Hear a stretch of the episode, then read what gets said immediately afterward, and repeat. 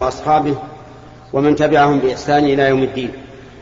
أما بعد فهذا هو يوم الخميس الثامن عشر من شهر ربيع الأول والذي يتم فيه اللقاء مع الإخوة في كل أسبوع. وهذا هو اللقاء الموفي للسبعين لقاء وهو الذي يتم في شهر ربيع الأول عام خمسة عشر وأربعمائة وألف. ومن عادتنا أن نتكلم أن نتكلم أولا عن تفسير آيات كنا معها من سورة النبأ حتى انتهينا إلى أول سورة البلد. في قوله تبارك وتعالى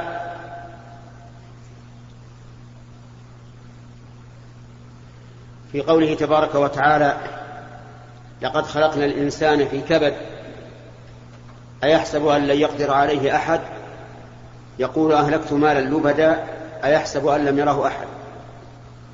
وبينا أن قوله تعالى لقد خلقنا الإنسان في كبد لها معنيان عند أهل العلم.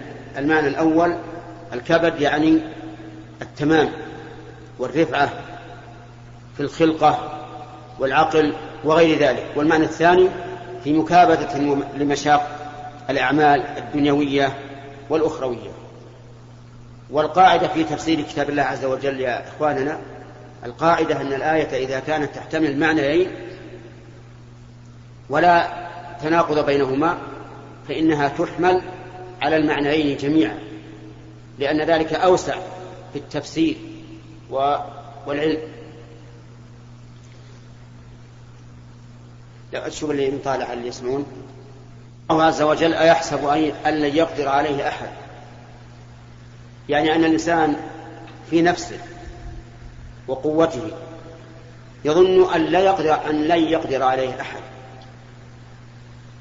لأنه في عنفوان شبابه وقوته وكبريائه وغطرسته فيقول لا أحد يقدر علي أنا أعمل ما شئت. ومنه قوله تبارك وتعالى فأما عاد فاستكبروا في الأرض وقالوا من أشد منا قوة؟ قال الله تعالى أولم يروا أن الله الذي خلقهم هو أشد منهم قوة. إذا فالإنسان في حال صحته وعنفوان شبابه يظن أنه لا يقدر عليه أحد. وهذا لا شك بالنسبة للكافر حتى الرب عز وجل يظن أنه لا يقدر عليه. أما المؤمن فإنه يعلم أن الله قادر عليه وأنه على كل شيء قدير فيخاف الله. يقول أهلكت مالا لبدا. يقول الإنسان أيضا في حال غناه وبسط الرزق له أهلكت مالا لبدا أي مالا كثيرا في شهواته وفي ملذاته. يقول الله عز وجل أيحسب أن لم يره أحد؟ أيظن هذا أنه لا يراه أحد؟ في تبذيره المال وصرفه فيما لا ينفع وكل هذا تهديد للإنسان أن يتغطرس وأن يستكبر من أجل قوته البدنية أو كثرة ماله. قال الله تعالى ألم نجعل له عينين ولسانا وشفتين وهديناه النجدين. هذه ثلاثة ثلاث نعم من أكبر النعم على الإنسان. ألم نجعل له عينين يعني يبصر بهما ويرى فيهما وهذه العينان تؤدي إلى القلب ما نظر إليه الإنسان إن نظر نظرة محرمة كان آثما وإن نظر نظرا يقربه إلى الله كان غانما وإن نظر إلى ما يباح له فإنه لا يحمد ولا يذم ما لم يكن هذا النظر مفضيا إلى محظور شرعي فيكون آثما بهذا النظر. ولسانا وشفتين لسانا ينطق به وشفتين يضبط بهما النطق. وهذه من نعم الله العظيمة لأنه بهذا اللسان والشفتين يستطيع أن يعبر عما في نفسه. ولولا هذا ما استطاع. لو كان لا يتكلم فكيف يؤدي ما في قلبه؟ كيف يعلم الناس بما في نفسه؟ اللهم إلا بإشارة تتعب يتعب هو أي المشير ويتعب المشار الذي أشير له. ولكن من نعمة الله أن جعل له لسانا ناطقا وشفتين يضبط بهما النطق. وهذا من نعمة الله وهو أيضا من عجائب قدرته. من أين يأتي النطق؟ من هوى يكون من الرئة يخرج من مخارج معينة.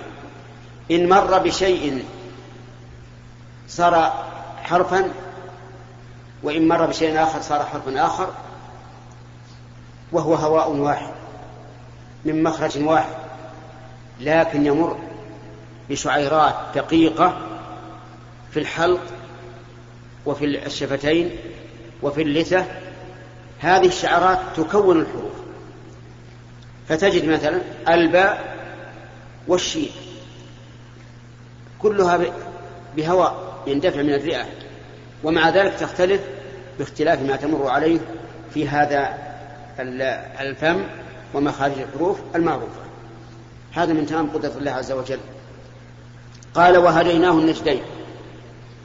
هديناه أي بينا له طريق الخير وطريق الشر. هذا قول. القول الثاني هديناه النجدين دللناه على ما به غذاؤه وهو الثديان فإنهما نجدان لارتفاعهما فوق الصدر فهداه الله تعالى وهو رضيع لا يعرف من حين أن يخرج وتضع أمه يطلب الثدي. من الذي أعلمه؟ الله عز وجل. فبين الله عز وجل منته على على هذا الإنسان من حين يخرج يهتدي إلى النجدين. وفي بطن أمه يتغذى عن طريق السرة لأنه لا يستطيع أن أن يتغذى من غير هذا. لو تغذى عن طريق الفم لاحتاج إلى بول وغائط وكيف ذلك؟ لكنه عن طريق السرة يأتيه الدم من دم أمه وينتشر في عروقه حتى يحيا إلى أن يأذن الله تعالى بإخراجه. ثم قال الله تعالى فلاقتحم العقبة وندع المجال الآن للأسئلة لأن الأسئلة قد تكون آه، أفيد. وسنستمر إن شاء الله في المستقبل على ما نحن عليه من تفسير كلام الله سبحانه وتعالى. فنبدأ أولا باليمين. ويفضل من ليس من هذه البلدة لأنهم جاءوا من مسافة فهم أحق بالتقديم. بسم الله. بسم الله الرحمن الرحيم. فضيلة الشيخ صلى الله رب العرش العظيم أن يمد الله سبحانه وتعالى في عمرك على طاعته السؤال وإياك. جزاك الله خير. هل صحيح ما يروى عن الإمام أحمد بن حنبل رحمه الله أنه رأى ربه في المنام؟ وإذا كان صحيح فكيف كانت الرؤيا الحمد لله رب العالمين وصلى الله وسلم على نبينا محمد وعلى آله وأصحابه ومن تبعهم بإحسان إلى يوم الدين. أما بعد فهذه مسألة عظيمة وهي رؤية الله سبحانه وتعالى. فرؤية الله تعالى في الآخرة أمر ثابت بالقرآن والسنة وإجماع السلف. إن الله جل وعلا يرى يوم القيامة ثبت ذلك بالكتاب والسنة وإجماع السلف. ولكن هل إذا رؤي يدرك؟ لا. لأن الله قال لا تدركه الأبصار وهو يدرك الأبصار سبحانه وتعالى. وكم من شيء نراه ولا ندركه إما لصغره وإما لبعده وإما لغير ذلك من الأسباب. فالله عز وجل يرى ولا يدرك. ولا حاجة إلى سرد الأدلة في ذلك كلها ولكن نشير إشارة يسيرة. يقول الله تبارك وتعالى وجوه يومئذ ناظرة إلى ربها ناظرة. آه، كيف تكتب الناظرة الأولى؟ والثانية؟ الثانية بالضاء نعم. الأولى بالضاد بمعنى حسن والثانية بالضاء بمعنى النظر بالعين. وهذا في المؤمنين لأنه قال في مقابل ذلك ووجوه يومئذ باسرة تظن أن يفعل بها فاقرة.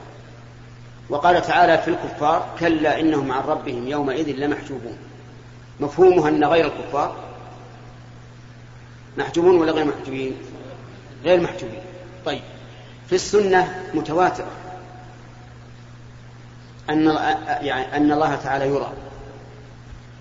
قال النبي صلى الله عليه وسلم إنكم سترون ربكم كما ترون القمر ليلة البدر لا تضامون في رؤيته فإن استطعتم ألا تغلبوا على صلاة قبل طلوع الشمس وصلاة قبل غروبها الأولى صلاة العصر والثانية صلاة الفجر فافعلوا. ولا حديث ذلك كثير متواتر. وأما السلف المدعون على ذلك. هذا في الآخرة. أما في الدنيا فإن الله لا يرى. ولقد سأل موسى عليه الصلاة والسلام وهو أحد أولي العزم من الرسل سأل ربه أن ينظر إليه. قال ربي أرني أنظر إليك. قال لن تراني. ولكن انظر إلى الجبل فإن استقر مكانه فسوف تراني. فلما تجلى ربه للجبل جعله دكا. اندك الجبل. بمجرد أن تجلى الرب له. اندك. فلما رأى موسى هذا المنظر خر صائقا. غشي عليه. من هول ما رأى. وعلم أنه لا يمكن أن يرى ربه لأنه إذا كان الجبل لم يستطع أن يبقى على ما هو عليه حين تجلى له الرب عز وجل. فالإنسان من باب أولى ففي الدنيا لا يرى الله. وقال النبي صلى الله عليه وسلم واعلموا أنكم لن تروا ربكم حتى تموتوا. لن تروا ربكم حتى تموتوا. بقي هل يمكن أن يرى الله في المنام؟ نقول أما للنبي صلى الله عليه وعلى آله وسلم فقد رأى ربه في المنام. وأما لغيره ففي النفس شيء من ذلك. حتى ما يروى عن عن, عن الإمام أحمد في نفسه منه شيء. لأن عموم قوله صلى الله عليه وسلم واعلموا أنكم لن تروا ربكم حتى تموتوا يشمل اليقظة والمنام. وإذا كان يشمل هذا فلا يمكن أن نقول إنه يمكن أن يرى في المنام. وإذا رؤي في المنام كيف يرى؟ إذا كان الشيطان لا, لا يتمثل بالنبي صلى الله عليه وعلى آله وسلم فلن يتمثل بالله. وأنت إذا رأيت الله سبحانه وتعالى على ما هو عليه في المنام فما أدري. فأنا في شك مما يروى عن الإمام أحمد أو غيره أنه رأى الله عز وجل. وأما في الآخرة فإنهم فإن المؤمنين يرون ربهم نسأل الله أن يجعلنا وإياكم منهم. اليسار لا ما تسأل. أنت من من من ممن يقيم هنا. يلا يلا. الله أنا في شك. يلا. لا تغير شيء. أصل هذا مو للصوت هذا للتسجيل بسم الله الرحمن الرحيم. جزاك الله خير شيخ. هناك عبارات على أو عبارة وجدتها على أحد دعايات على أحد أنواع الشاي. مكتوب عليها الأول أينما كنت. وهناك أيضا عبارة على أحد البنوك بقولهم نحن معكم أينما كنتم. فما أدري هل هذه العبارة جائزة على إطلاقها. أم أن لها قيود؟ أم, أم أنها لا تجوز إطلاقها البتة يعني إلا على ذات الله عز وجل. على كل حال هذه العبارات في الشاهي الأول أينما كنت يعني يريد أن هذا النوع من الشاهي هو أول يعني نمرة, نمرة أول. أينما كان في أي مكان؟ والعبارات هذه لا تنبغي والمقصود منها هو الدعاية لهذا الشاي. ولا, ولا أظن الذي كتبها يخطر في باله أنه يريد بكلمة الأول ما يراد بها إذا إذا أضيفت إلى الله. ما أظن هذا. وكذلك نحن معك أينما كنت. نقول لا حياكم الله ولا بياكم أيها البنوك. ولا نريد أن تكونوا معنا وأن نكون معكم. ونسأل الله تعالى أن ييسر تحويل هذه البنوك إلى معاملات إسلامية على بأقرب وقت ممكن. هم يريدون أيضا أن هذا البنك معك أينما كنت. بمعنى أنك إذا كنت في بلد بلدك استطعت أن تستفيد وإذا كنت في بلد آخر استطعت أن تستفيد كما هو الآن حدث في الآونة الأخيرة. ولا أظن أيضا أنهم يريدون معية الله عز وجل لخلقه. ما أظن هذا. لكن مع ذلك أنا أرى ألا أن تستبدل هذه العبارات. أما عبارة الشاي فيقال هذا أحسن شاي إن كان صادقا بعد يمكن هو أحسن شاي لكن على تقدير أنه صادق أما البنوك فيحسن أن تبدل العبارة بعبارة أخرى. نرجو أن أن تعيننا على أن تتحول هذه البنوك إلى بنوك إسلامية. نعم. فضيلة الشيخ جزاكم الله خيرا. ما حكم استعمال الدف في العرضات والمناسبات للرجال وما حكم التصفيق لهم؟ أما الدف فلا بأس به لقدوم غائب كبير أو لمناسبات أعياد وشبهها. للرجال نعم للرجال. وأما في الأعراس فالذي تستعمله النساء فقط. هذا الدف أما الطبل فلا يجوز مطلقا. والفرق بين الدف والطبل أن الدف مفتوح من أحد الجانبين وأما الطبل فهو مفتوح من الجانبين. نعم. أما التصفيق فلا نرى هذا. تصفيق له. له لا فائدة منه. فلا نرى أن يصفق الرجال بل ولا النساء أيضا في الأعراس. يكفي ما جاءت به السنة من اللهو. آه، إخواننا آه، الظاهر أن آه، الميكروفون هذا لا يستطيع الرجوع لأن عقارب الساعة تمشي هكذا. جزاكم الله يا فضيلة الشيخ. آه كلامه فاتك الدور. تسمح بأكثر من سؤال يا شيخ؟ لا. لا نسمح بأكثر من سؤال ولا بالتعليق على السؤال. إلا إذا غلطت. إذا غلطت لابد أن, أن تنبهوني نعم. طيب يا شيخ بارك الله فيك. آه، ابن القيم في زاد المعاد آه، ذكر أن السترة آه، من سنة النبي عليه الصلاة والسلام أنه ما يكون متعمد له أو بوجهه أنه يكون عن يمينه أو عن يساره لا يصمد إليها. يصمد إليها. نعم. فلو وضحت هذا يا شيخ. يعني يقول العلماء رحمهم الله إذا وضعت سترة في الصلاة فلا فلا تقابلها مقابلة تامة. اجعلها عن يمينك شيئا ما أو عن يسارك شيئا ما. لأن لورود حديث في ذلك عن النبي عليه الصلاة والسلام. لكن الحديث الذي ورد في هذا لين يعني فيه شيء من الضعف. وظاهر الأدلة أن السترة تكون بين يدي المصلي تماما وأن يستقبلها بدون أن تكون عن يمينه أو عن شماله والأمر في هذا واسع. إن صمد إليها صمدا فلا بأس والإنسان بعيد عن أن يجعلها كالصنم وإن, وإن جعلها عن يمينه أو عن يساره شيئا ما فلا بأس. فضيلة الشيخ جزاك الله خير. ما حكم التصوير بكاميرا الفيديو؟ التصوير بكاميرا الفيديو إذا كان لمصلحة فلا بأس. كمحاضرات أو معلومات تفيد الإنسان.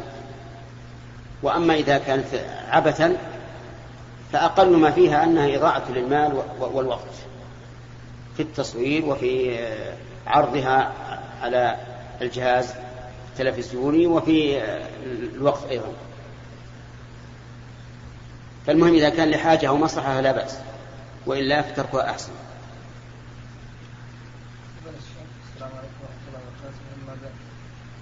بالنسبة للشيخ الإسلامي أو فيه تلاوة كتاب الله الدخول به في ما حق نعم. أولا أن أخانا سلم وهو جالس معنا. وهذا ليس من السنة لأن الصحابة يسألون الرسول صلى الله عليه وسلم في مجلسه ولا, ولا يبتدئون ذلك بالسلام. لكن حيث سلم متأولا أنه سلام مشروع فنقول عليه السلام ورحمة الله وبركاته. وبالنسبة للأشرطة التي فيها القرآن أو فيها الأحاديث أو فيها المواعظ فإن دخولها فإن الدخول بها إلى محل قضاء الحاجة لا بأس به لأنها ليست مكتوبة ولهذا لو لو لو فللت السير سير الشريط ما قرأت شيئا بخلاف المكتوب. فالمصحف يحرم على الإنسان أن يدخل به بيت الخلاء إلا إذا خاف عليه من سرقة أو نحوها وأما هذا فلا بأس به لأنه ليس مكتوبا. فضيلة الشيخ جزاك الله خير. حكم. لا يا شيخ. إلا إذا الدور بيفوتني يا شيخ ما أدري. طيب. شيخ حكم استقبال وارسال الحوالة في البنوك الربوية. إيش؟ حكم استقبال وارسال الحوالة في البنوك الربوية لأنها أسرع يا شيخ. ولا إذا كان الشخص صف ذلك صف هذه. يعني أرسل حوالة أيوة. إلى شخص ما في مدينة ما وفي البنك ربوي.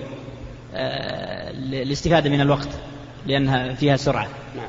فالحكم في ذلك الشيخ أقول لكم قاعدة مهمة. معاملة البنوك على وجه مباح. لا بأس بها. لا بأس بها. يعني مثل لي أن أشتري منهم أصرف منهم أحول عن طريقهم. لا بأس بهذا. المحذور هو الربا. فإذا لم يكن ربا فلا بأس. وقد ثبت عن النبي عليه الصلاة والسلام أنه اشترى من اليهود وقبل هدية منهم وهم يأكلون السحت ويأخذون الربا. وقد مات عليه الصلاة والسلام ودرعه مرهونة عند يهودي. هنا إيه، فهمت الجواب الآن؟ إذا لا بأس بها أن تحول عن طريق البنوك. نعم. المحرم الفائدة. آه، اللي يسمونها فائدة وهي خسارة. المحرم هو الربا. أن تضع ويعطونك آه، عوضا عن وضعك. أو أن تأخذ وتعطيهم عوضا عن من بعد؟ تفضل. ما حكم آه، بيع إذا كان إنسان معطيك نقود أو كتب لفعل مشروع خيري ثم أخذت هذه وبعتها بمبلغ فيه ربح واستخدمت المبلغ هذا في نفس المشروع الذي أعطاك من أجله والزيادة استخدمت في مشروع خيري آخر. يعني معناه أنك تصرفت فيه نعم. وكسبت. نعم. تريد أن تضع رأس المال؟ نعم. المشروع, المنصوص عليه والباقي في مشروع آخر. نعم. أولا من أعطي شيئا لعمل مشروع معين فإنه لا يجوز أن يتصرف فيه أبدا. لا بد أن يصرفه فيما أذن له فيه وذلك لأن الوكالة مقيدة. الوكالة مقيدة للوكيل فيما وكل فيه لا يزيد ولا ينقص. ثانيا لو فرض أن الرجل فعل وربح التصرف. فالواجب صرف الربح في المشروع الأول الذي نص عليه الذي سلم الدراهم لأن الربح تبع للأصل ولا يجوز أن يصرف في في مشروع آخر إلا بإذن بإذن صاحبه. نعم. الله خير يا شيخ. آه، ما حكم الآذان لمن فاتته الجماعة سواء كان فردا أو جماعة وإذا أخرت الصلاة هل يؤخر الأذان تبعا له أم يكون على موعد وقت دخول الصلاة؟ نعم. أما الأذان للواحد فسنة وليس بواجب. لأن الأذان للإعلان بدخول الوقت والدعاء والدعوة إلى الصلاة والواحد داع نفسه وأما إذا كانوا جماعة فيجب عليهم الأذان سواء في الحضر أو في السفر لكن في الحضر يكتفى بأذان الناس وفي السفر لا بد أن يؤذنوا لأن النبي صلى الله عليه وعلى آله وسلم لما أذن لمالك بن حويرث ومن معه أن ينصرفوا قال إذا حضرت الصلاة فليؤذن لكم أحدكم. فأمر بأذان بأذان الواحد منهم. وعلى هذا فيجب على من كانوا في سفر أو في نزهة ولا يسمعون أذان البلد فعليهم أن يؤذنوا. وأما هل يكون عند دخول الوقت أو عند فعل الصلاة؟ فنقول يكون عند فعل الصلاة. إلا إذا كنت في البلد فلا بد أن تؤذن على الوقت لأن الناس قد لا يريدون التأخير. ودليل هذا ما ثبت في الصحيح أن النبي صلى الله عليه وسلم كان في سفر فقام بلال ليؤذن فقال له أبرد وكان ذلك في شدة الحر. ثم أقام ثم أراد أن يؤذن فقال أبرد مرتين أو ثلاثا حتى رأوا في التلول ثم أذن له بالأذان. فدل ذلك على أنه يتبع الصلاة. لكن في البلد يتبع الوقت لأن لأن الناس ليسوا متفقين على أن يؤخروا الصلاة فيؤذن في أول الوقت ومن عاد ومن كان له عذر شرعي وأخر فلا حرج. يعني أخر الصلاة. نعم. فضيلة الشيخ أحسن الله إليكم. آه، ما حكم التمثيل أو ما يسمى التمثيل الإسلامي الذي يقام في بعض الجامعات الخيرية ومراكز الصيفية؟ التمثيل نرى أنه لا بأس به إذا كان في علاج مشكلة من مشاكل المجتمع. بشرط أن لا يتضمن محذورا شرعيا كأن يمثل الرجل دور امرأة أو المرأة دور رجل أو يمثل أحد من الأئمة من أئمة المسلمين أو السلف الصالح أو ما أشبه ذلك. فإذا كان لا يتضمن محذورا فلا حرج فيه. نعم. من بعده؟ تفضل. جزاك الله خير يا شيخ. بالنسبة للرافضة هل يعتبرون كفرة؟ كيف يكون التعامل المسلم معهم حتى أن بعضهم يعني يظهر الحقد؟ كيف يكون التعامل معهم شيخ؟ الرافضة بارك الله فيك كغيرهم من أهل البدع. إذا أتوا بما يوجب الكفر صاروا كفارا. وإذا أتوا بما يوجب الفسق صاروا فساقا. وإذا كان لشيء من أقوالهم القريبة من أقوال أهل السنة شيء من النظر وهو وصار محل اجتهاد فهم كغيرهم فلا يمكن أن يجاب بجواب عام ويقال كل الرافضة كفار كل الرافضة فساق لا لا بد من التفصيل وأن والنظر في بدعتهم ويجب علينا نحن أن ندعوهم إلى الحق وأن نبينه لهم. وإذا كنا نعلم من أي فرقة هم فعلينا أن نبين آه، عيب هذه الفرقة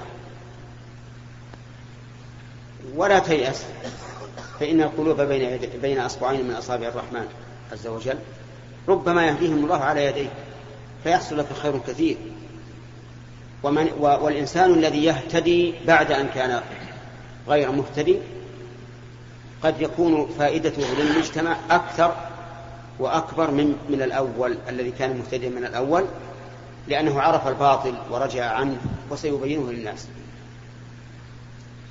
نعم. أحسن الله إليك يا شيخ.